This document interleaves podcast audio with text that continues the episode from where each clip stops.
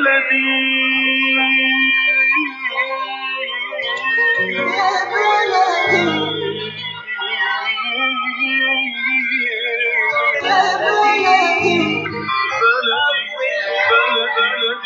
أهلا بكل الذين ينضموا للاستماع إلى راديو بلدي أول راديو عربي أمريكي ويعنى بقضايا العرب في المهجر برامجنا في راديو بلدي كل يوم جمعة من الثامنة وحتى التاسعة صباحا في بث حي ومباشر عبر WNZK راديو 690 AM صباح الخير بلدي صباح الخير لكل مستمعينا. Welcome to Radio Baladi, the first Arab, Middle Eastern, and American simulcast radio show. Radio Baladi is broadcast every Friday morning on WNZK 690 AM from 8 until 9 Eastern. Time on Good Morning Michigan. Our call-in number 248 557 3300. And now, stay tuned for the best radio talk show on Arab and American issues.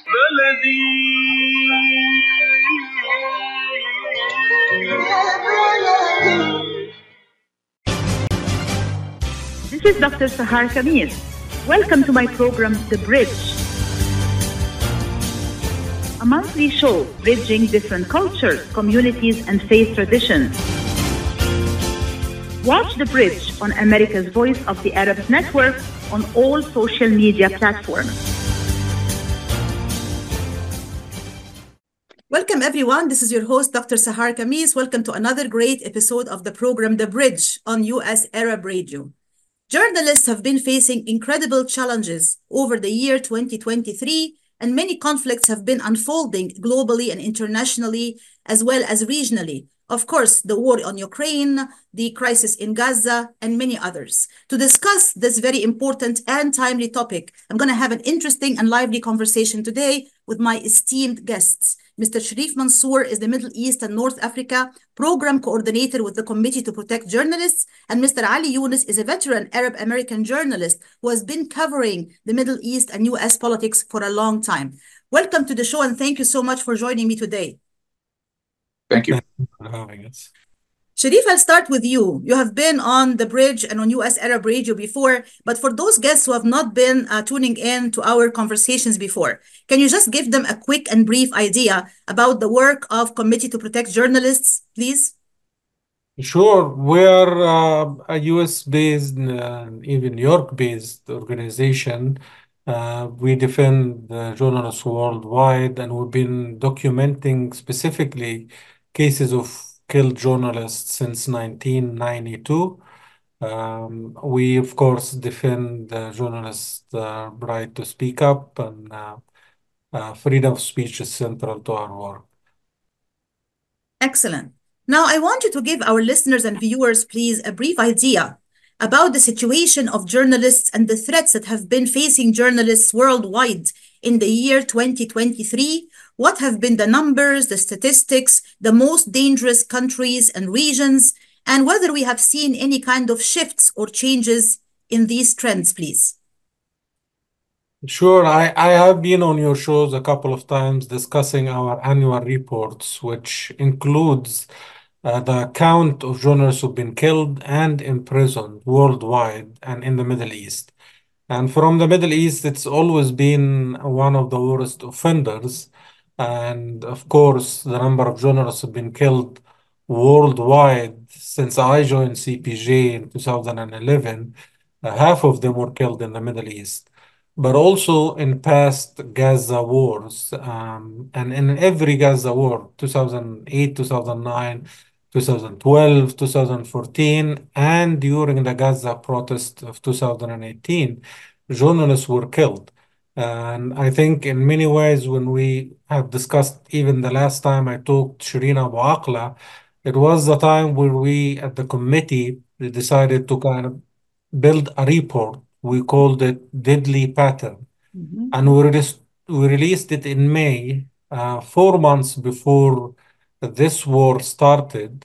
And we said that this deadly pattern of journalists, mainly Palestinian journalists, 90% killed by the IDF fire over 21 years, leaves particularly Palestinian journalists in a precarious, deadly environment, and that it could lead to um, a chilling effect about our ability to cover the Israeli army operations. And what we saw in this war is that the deadly pattern continued um, from 20 journalists being killed before this war by the Israeli army over 21 years to now more than 80, 83 in Gaza uh, in four months. Of course, there were also other things that we've documented, including the Israeli army disregarding of press insignia and also lack of accountability. No one was ever held accountable, charged in the killings of journalists before this war or during this war. And uh, when we released our uh, report this year, it showed that 70% uh, of journalists who were killed last year in 2023 were Palestinian journalists. And since the beginning of the war, and since last year, it's been uh, 77 out of 99 journalists overall. And of course, these are because Palestinian journalists are bearing the brunt of the Israeli army fire that has killed in a matter of uh, three months more than any army or entity have done in any single year on record since 1992.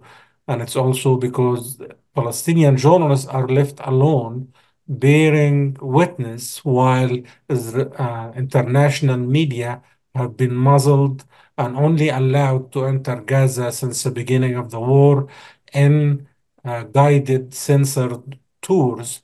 Um, and so far, only the Palestinian journalists are paying the ultimate price, mainly uh, 83 journalists, uh, but two Israeli journalists and three Lebanese journalists in this war. Mm-hmm. Uh, we were going to talk specifically about Gaza, of course, in more depth and details as the conversation flows, uh, Sherif.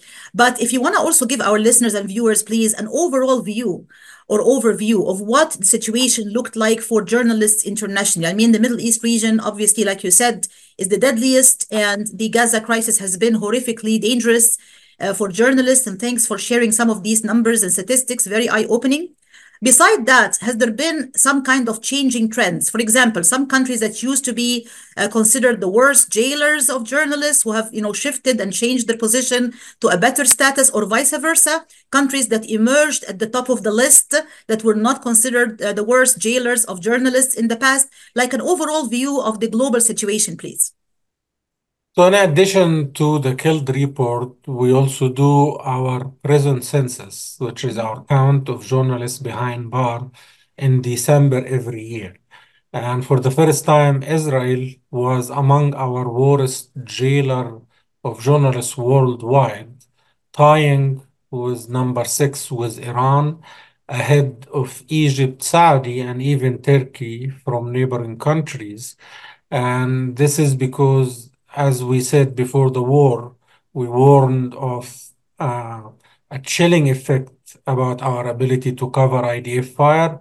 We saw not just the deadly pattern continues, that chilling effect becoming uh, uh, news blackout, um, huge censorship, outright censorship in the West Bank that included arresting as many as 25 journalists um, and holding them mainly in administrative uh, detention in military trials.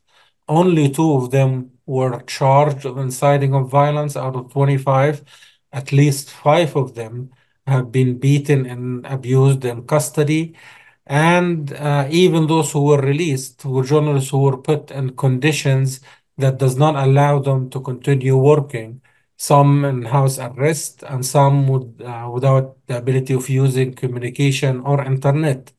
Um, this is, of course, uh, one of the challenging trend, but of course, we highlighted uh, in addition to the number of uh, those who were detained, dozens of cases, numerous attacks of uh, obstruction, intimidation, uh, and threat um, to local and international media in the West Bank and in Israel under a new uh, security emergency legislation that allowed the Israeli government to shut down uh, Palestinian radio and online uh, news station in the West Bank and shut down Hezbollah affiliate Al Mayadeen in Lebanon and threaten and recently pass uh, uh, legislation to allow them uh, to shut Al Jazeera.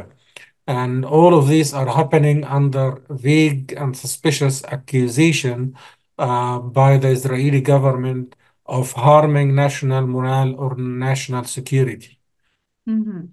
Very sad and grim uh, situation indeed. Thank you, Sherif. I'll come to you, Ali, with the question about the performance of journalists. You're a veteran journalist yourself, and you've been covering the Middle East region and U.S. politics for a long time. And my question to you is when you look at 2023 as a year full of events and, you know, unfortunately conflicts and wars and all of that, how do you evaluate the performance of journalists amid all of these challenges globally as well as specifically within the Gaza crisis? Well, uh, first of all, I think if we look at the journalists, the journalists or organizations, they're not, we cannot separate them from the countries from which they are operating from. Uh, US media organizations operate within the American uh, cultural and political system. Europeans also are the same they have the same environment. The global south, they have the same environment. And depending on the issue, and we saw in 2022 and 2023, when the Western media, US and European media covered the war in Ukraine, we saw how journalists and those media organizations covered that conflict uh, in a way that was perceived as this as insulting to the global south or the Middle East saying that you know, in, in, insinuating in a way that this is Europe and this is not the Middle East and this is not Africa. How could that happen here? So we saw that clearly, and the world saw that clearly, and some media organizations have apologized for that.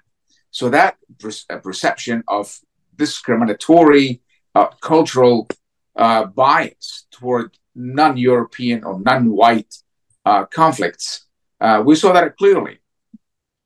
Uh, and the performance, you know, took the lines of where you stand. If you're an American news organization, obviously you will be against Russian. So Russian or pro-Russian news organizations cover the conflict from a perspective of Russia, more or less.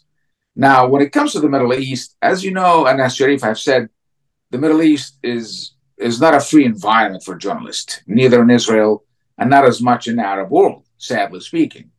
Uh, in Israel and, and Gaza, uh, over 130, you know, have maybe said 80 or 80 some, but the count is has reached over 130 Palestinian journalists were killed in this conflict alone, not counting in the West Bank, not counting Sherif, Shireen Abu Akleh before that.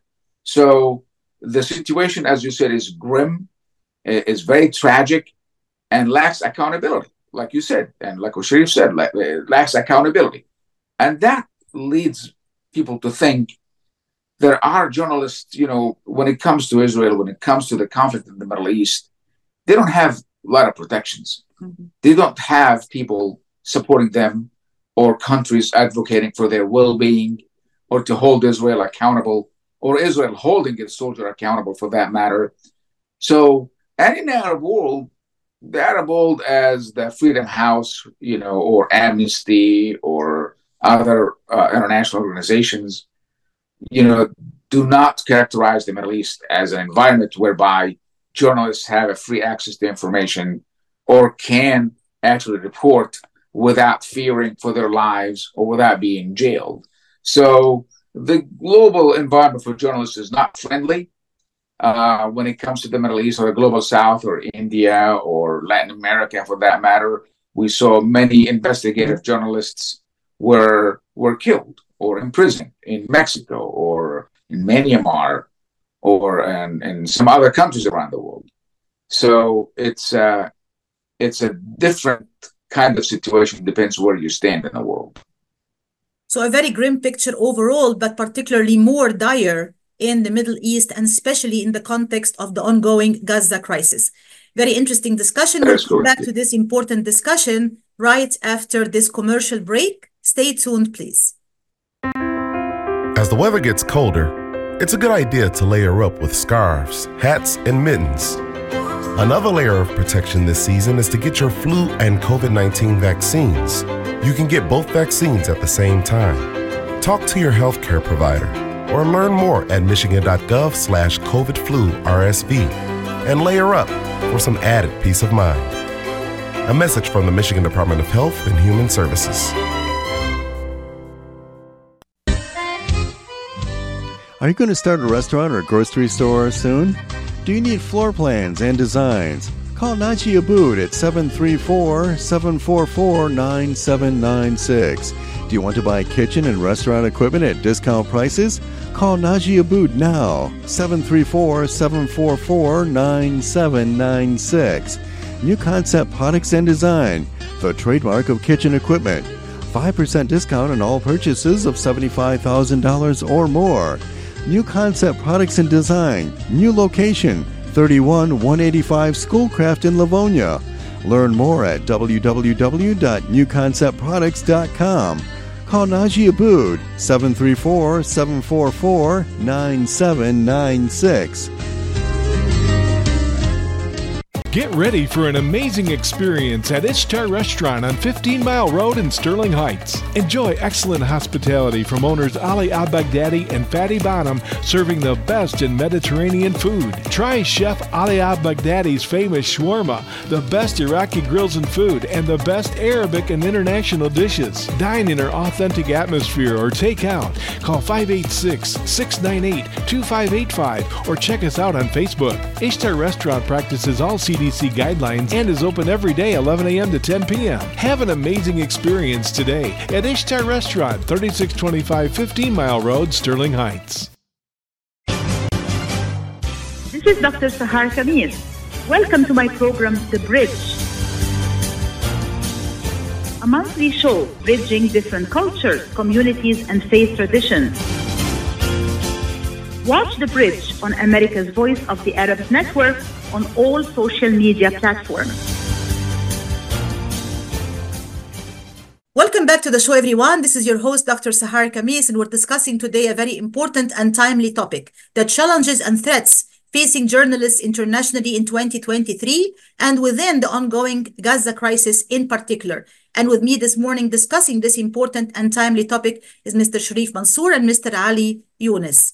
Now, uh, Sherif, I want to go back to you about the protections for journalists who are facing these types of very dire and grim situations we have been talking about before the break. Committee to Protect Journalists, as you defined it, is an organization that tries to provide certain protections to journalists who are facing very dangerous and challenging situations.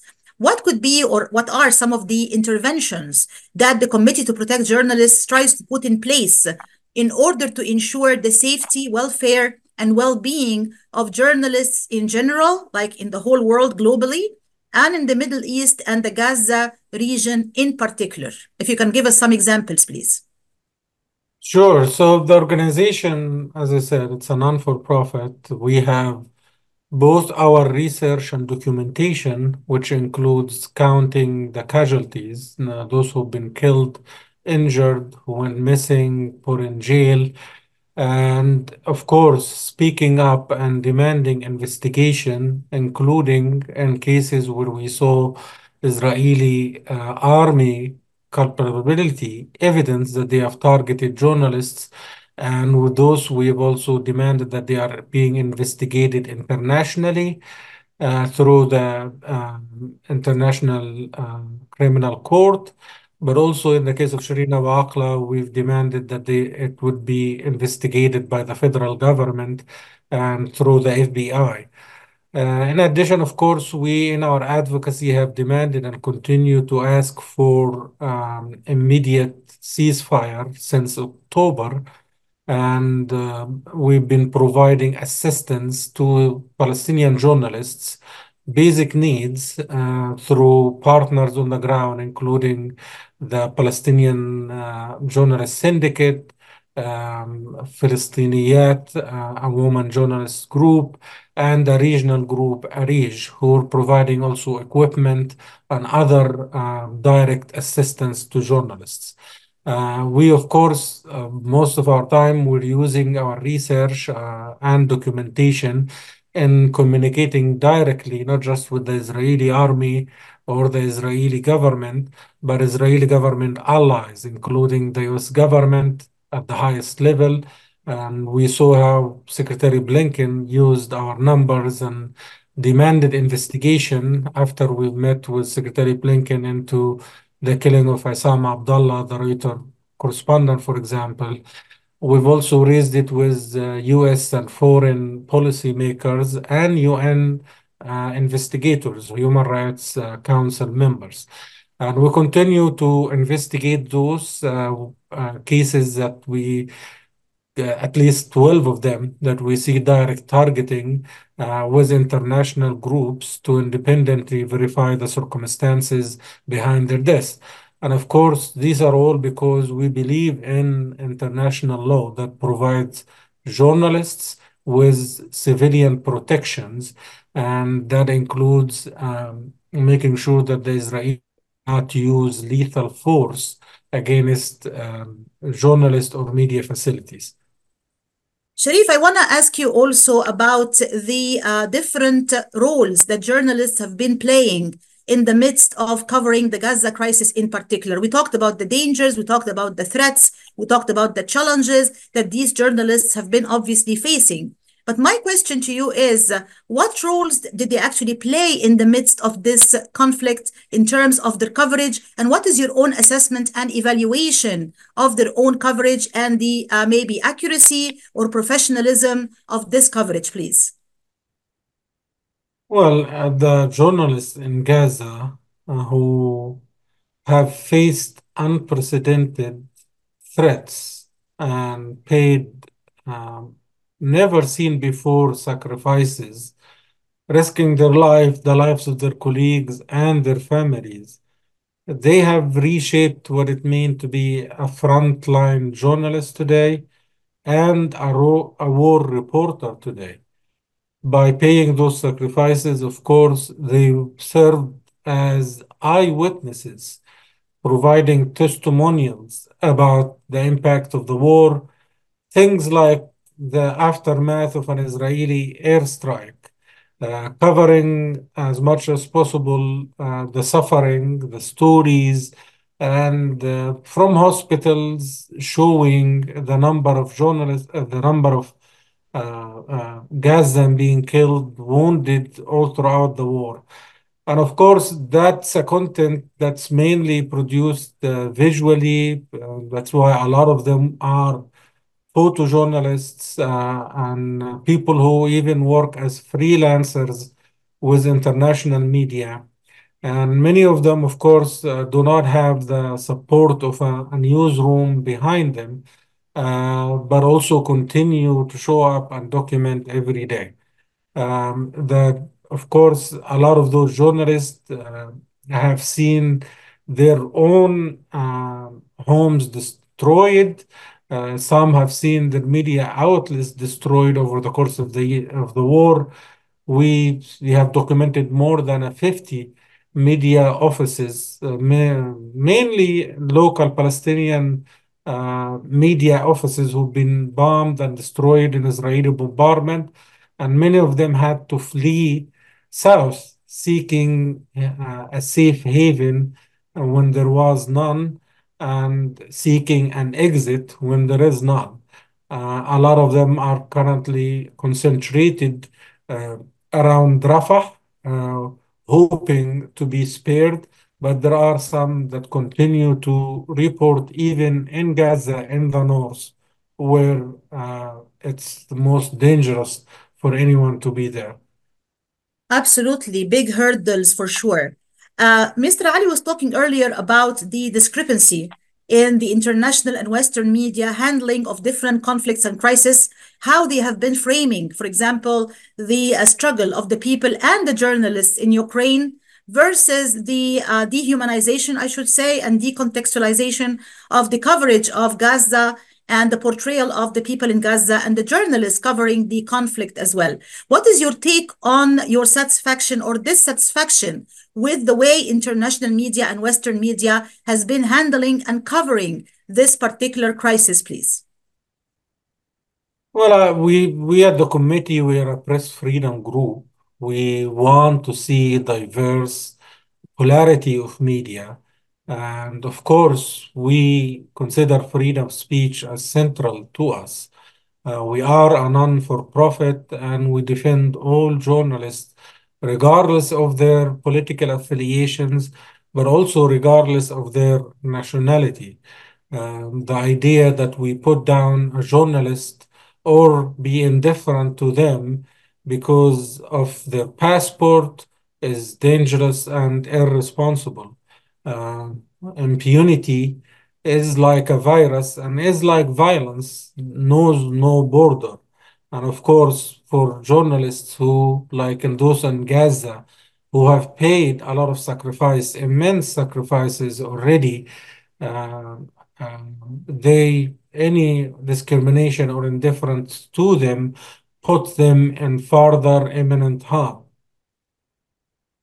Absolutely. But my question maybe is about your own observation. Let's say, as a citizen of the world, if you don't mind, like when you watch the different news organizations and the media broadcasting news about, for example, let's say the war in Ukraine versus the war on Gaza, right? What is your take in terms of some of the discrepancies or differences in the patterns and framings of these two different conflicts and maybe other conflicts as well?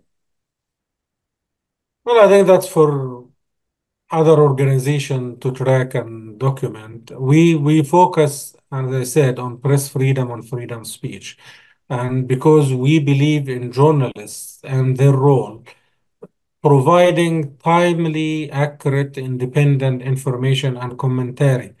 And that's mean trusting journalists to do their job, but also trusting editors to be fair. Mm -hmm. uh, because we want to have a better understanding about the motivations behind uh, uh, both warring parties and the implications uh, of their actions. Um, we say we want press freedom because it is our way to hold governments accountable mm -hmm. and to hold war parties accountable.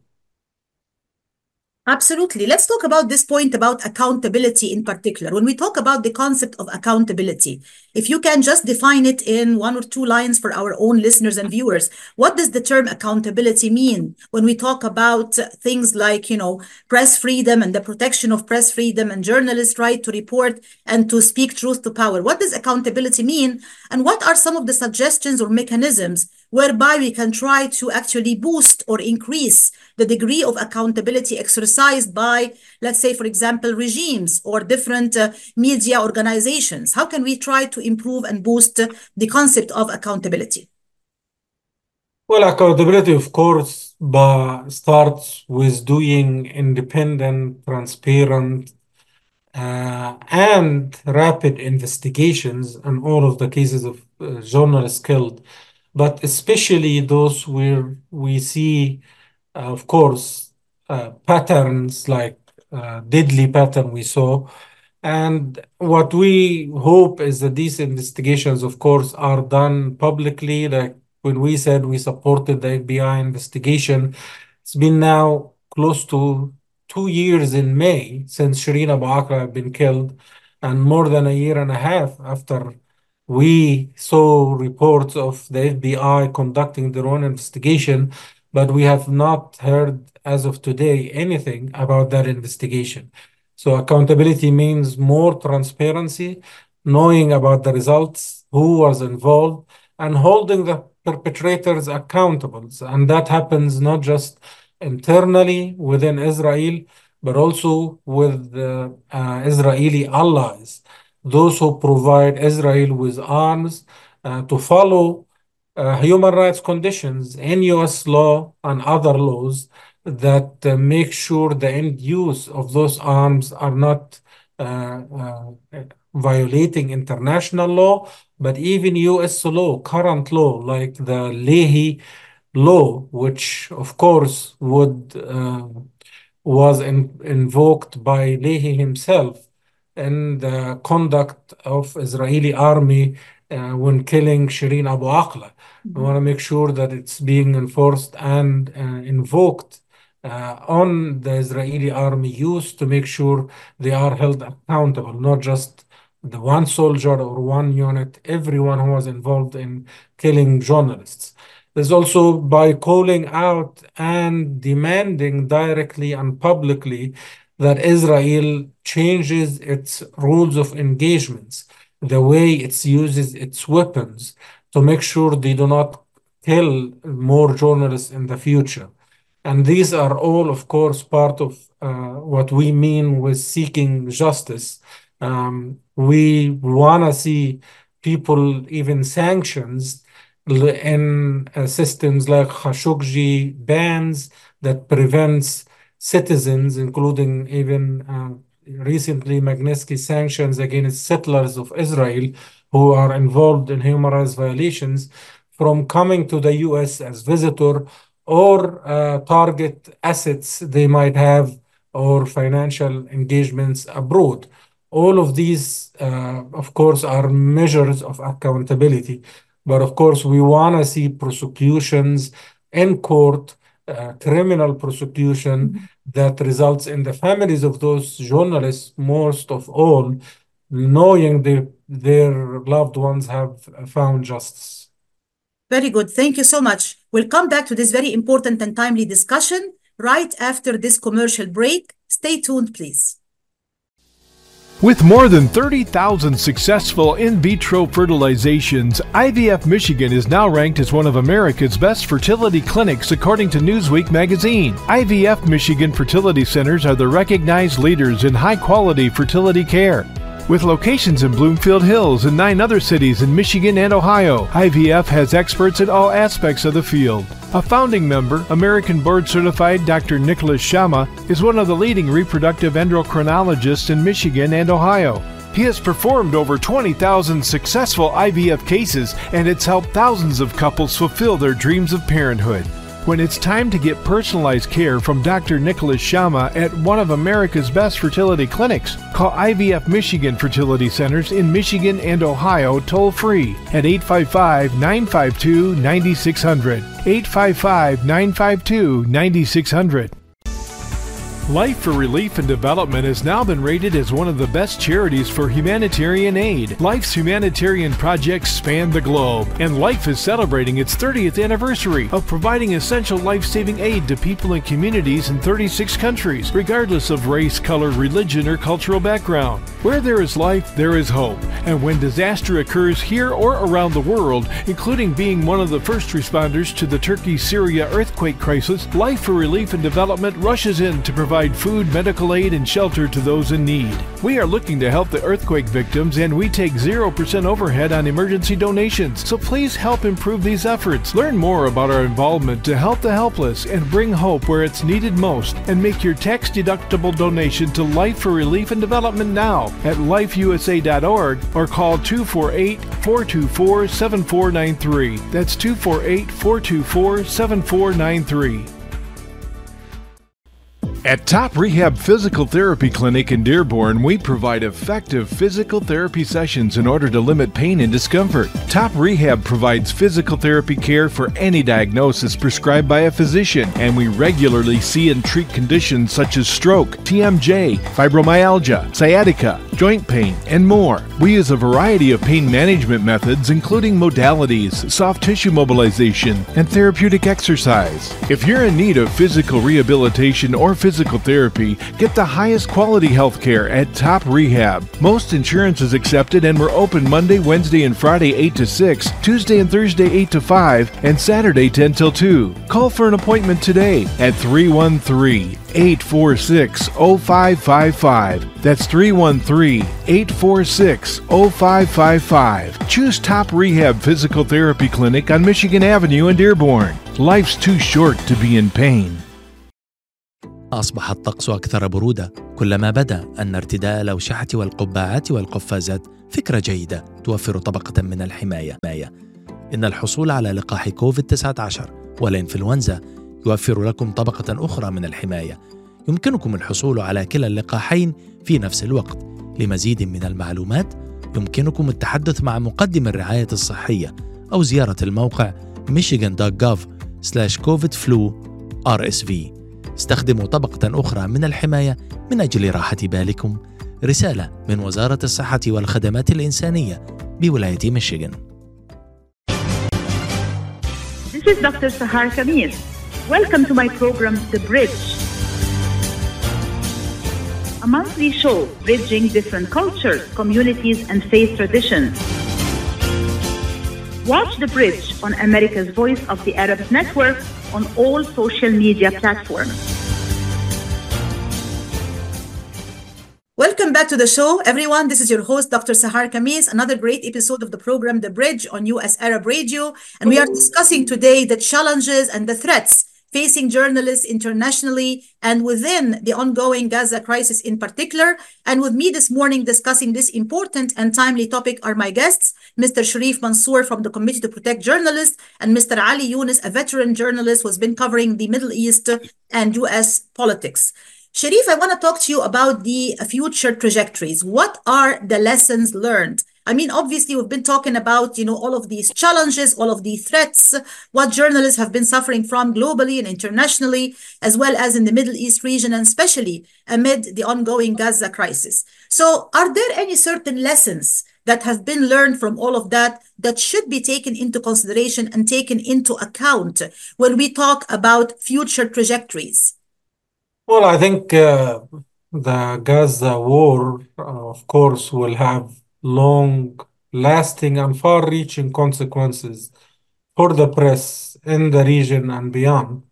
Um, of course, what we saw happen is unprecedented. We said this is the most dangerous and the most deadly environment we have seen on the record. And we have seen, of course, other trends, including um, the blackout, uh, communication and news blackout enforced at least seven times. And I, I don't think we should accept uh, having this as a practice, not even in time of war, even in time of peace. Uh, we cannot accept that journalists have to sacrifice their life and the lives of their loved one, colleagues, and family members in order to do their job. Uh, we have reached a near record number with 99 journalists last year. The only other uh, number more was in 2015 when the Islamic State and this, the Middle East uh, wars have propelled the number of journalists more than 100 at the time. And when that happened, uh, we saw a lot investment on how to make sure there are protections enshrined in UN resolution and commitments about impunity, which is now a day we celebrate every November.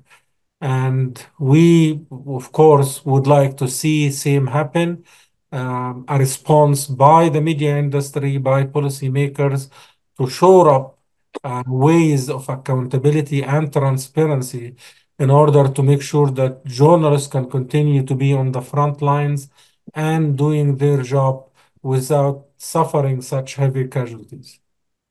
Absolutely, I cannot agree more, Sherif. But there is a very big question here, maybe the elephant in the room, as they call it, right? When we talk about things like impunity, when we talk about things like, uh, you know, international accountability, we cannot also, uh, you know, turn a blind eye to the fact that there are also uh, international organizations, international bodies, uh, governments, big regimes that have been part and parcel of this whole tragedy as it has been unfolding. I'm talking here about the suffering of journalists worldwide and especially amid the ongoing Gaza crisis. I mean, maybe somebody would shrug their shoulders and say, okay, this is all beautiful, but what can be possibly really done moving forward in the future in order to make sure we implement certain specific, pragmatic, practical measures that can be put in place in order to keep everybody in check and ensure more accountability and protection for journalists moving forward?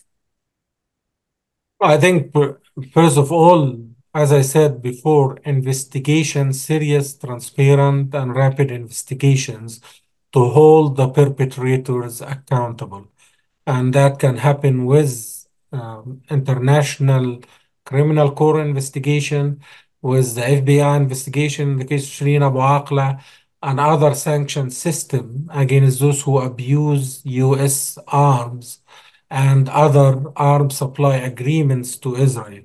Of course, we cannot seek any accountability unless, of course, there is uh, uh, an end to the censorship in Gaza and in Israel. For example, when we said before um, the long-standing record of impunity by the Israeli army needs to face uh, public scrutiny that can only happen by allowing international news organization and international investigators, UN investigators, immediate access to Gaza. And that means that they should, the Israeli government should not uh, hide any information about their conduct in the Gaza war so that they are held accountable as well within Israel and outside Israel.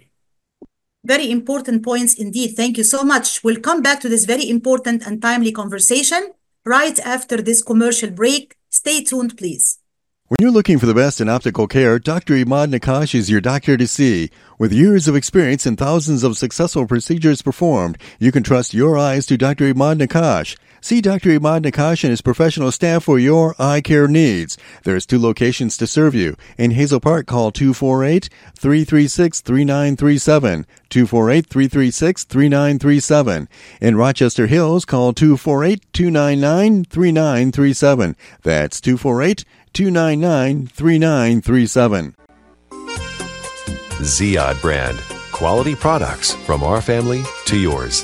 Ziyad Brothers Importing offers the finest quality products, including brands like Sultan, Kraft, Nestle, Hook, Rico Picon, Dana, and many more. Ask your retailer to carry these fine products because you deserve the very best.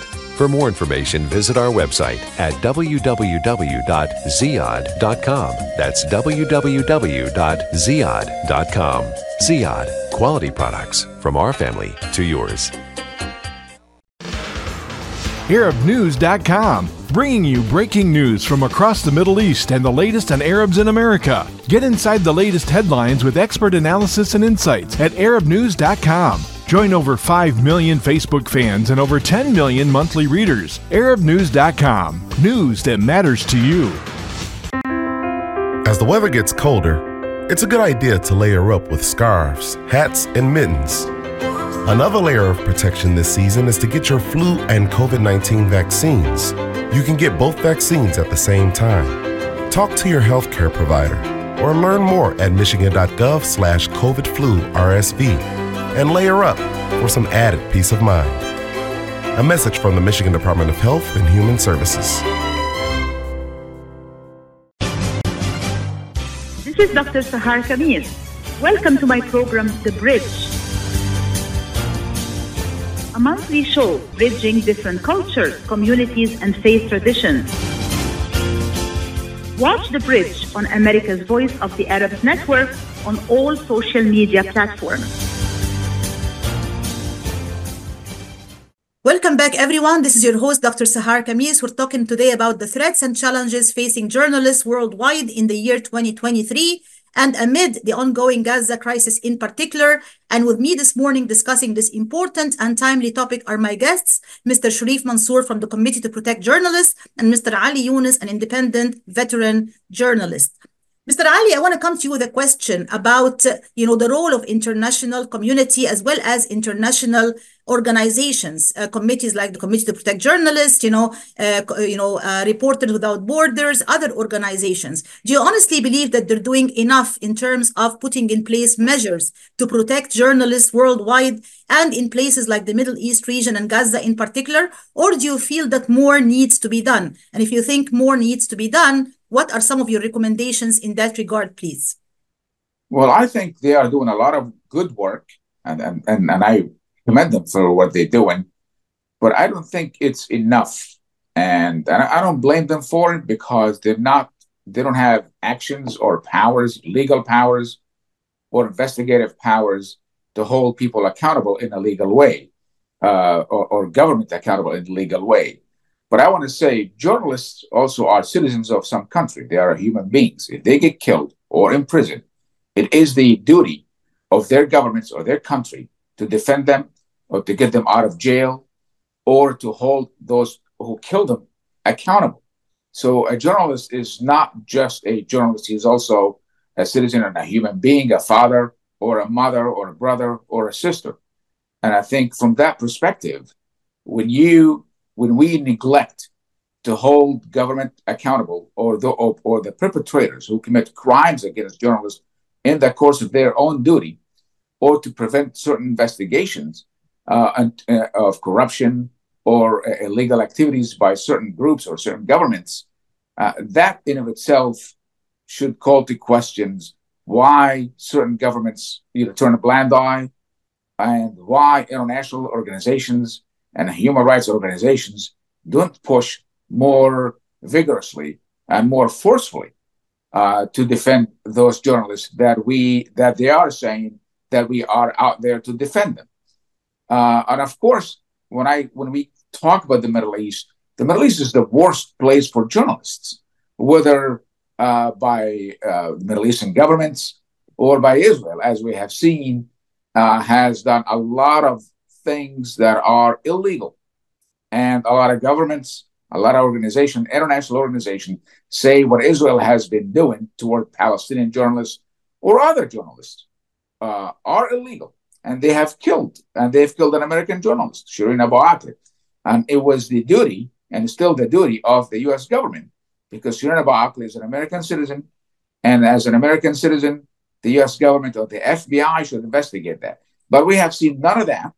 You know, we we saw that Israel is not being was not being held accountable for the killing of Shireen Abu Akleh, and they still have denied that, and the US government, you know, still not trying to be forceful. Compare that.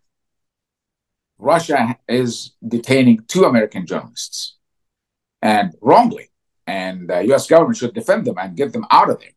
But we've seen the U.S. government is bargaining hard with Russia, and we see, you know, Wall Street Journal journalists, and we see a lot of U.S. media covering that issue and try to get these, you know, falsely imprisoned journalists or accused journalists out of there.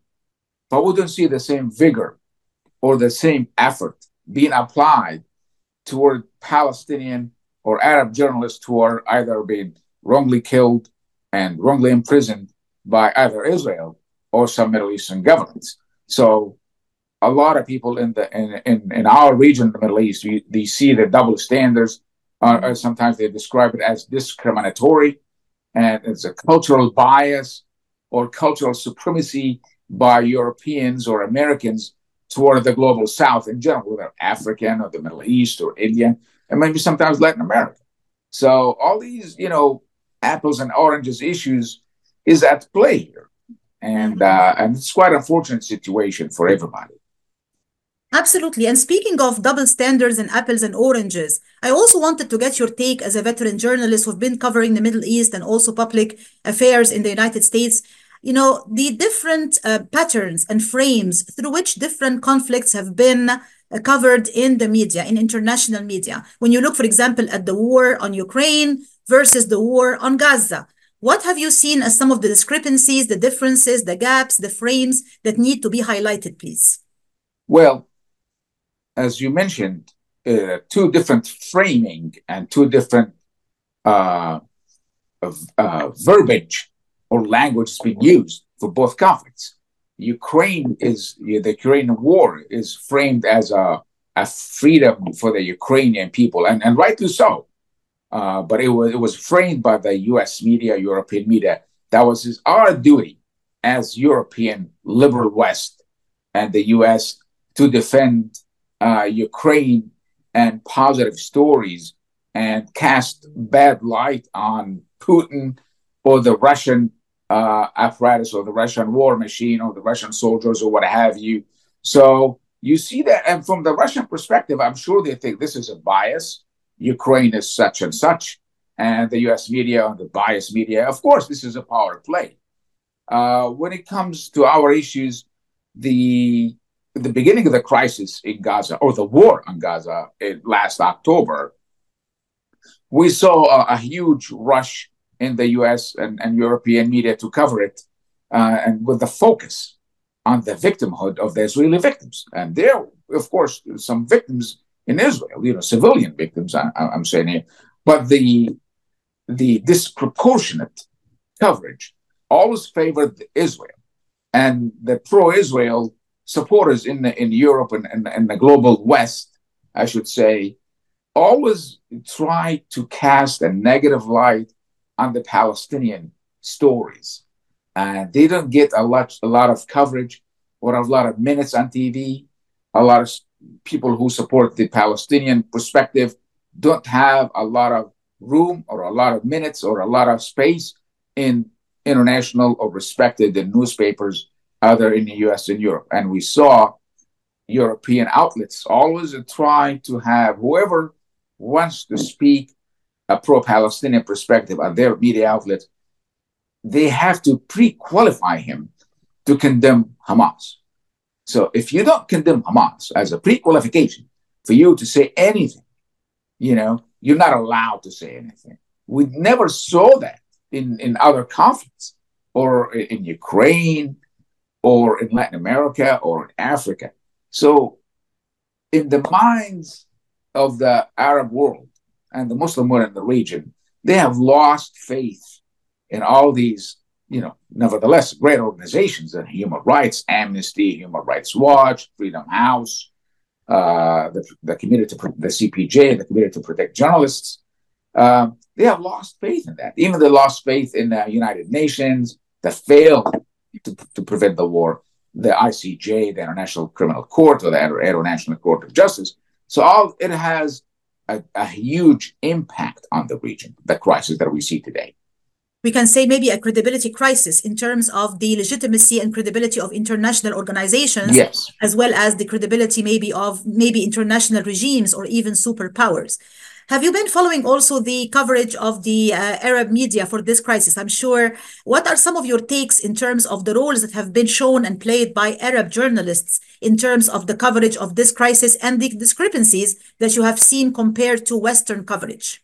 Well, I'm glad you asked this question, uh, because uh, we don't want to just pick on the European media because our own media in Arab world also they have the same power play it depends on what country this media organization is operating from. You see, Al Jazeera is leading voice uh, in covering this war at the great ex- tragic expense, at the great price, the human price on Palestinian journalists who work for Al Jazeera. Wael Dahdouh, you know, he suffered a huge tragedies. He lost his wife, his son, and other journalists. They've been killed, you know, and uh, you know, but their coverage also it it has to do with a lot the politics of the region as well, and other parts of the Arab world. Also, they their coverage, you know, follows the policies of the countries they operated from,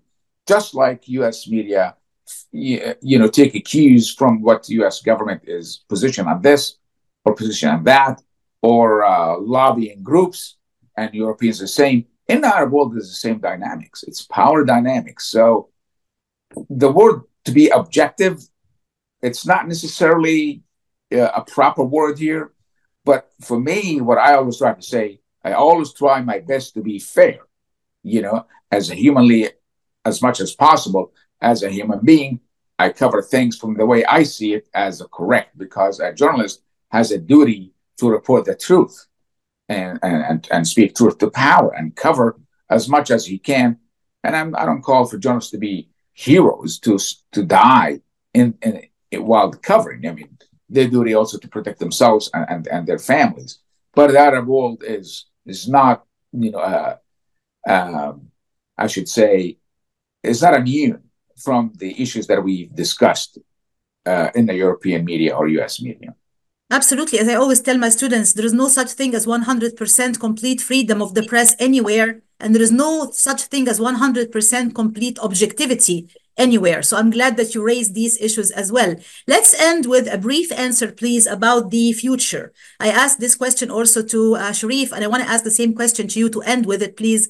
So briefly, when you look at the future, in terms of the future trajectory, what the patterns, the trends, what can we possibly see moving forward in terms of the protections for journalists? How can we make the situation safer and better for them, you know, moving forward? What can be done in order to improve all the issues and challenges we have been talking about all along today? Well, I, you know, sadly, I don't see an end, a, a light at the end of this tunnel so far because in our region, as long as we don't have strong human rights protections, because a journalist, in addition to him being as a journalist, he has also he has rights uh, as a citizen of a certain country.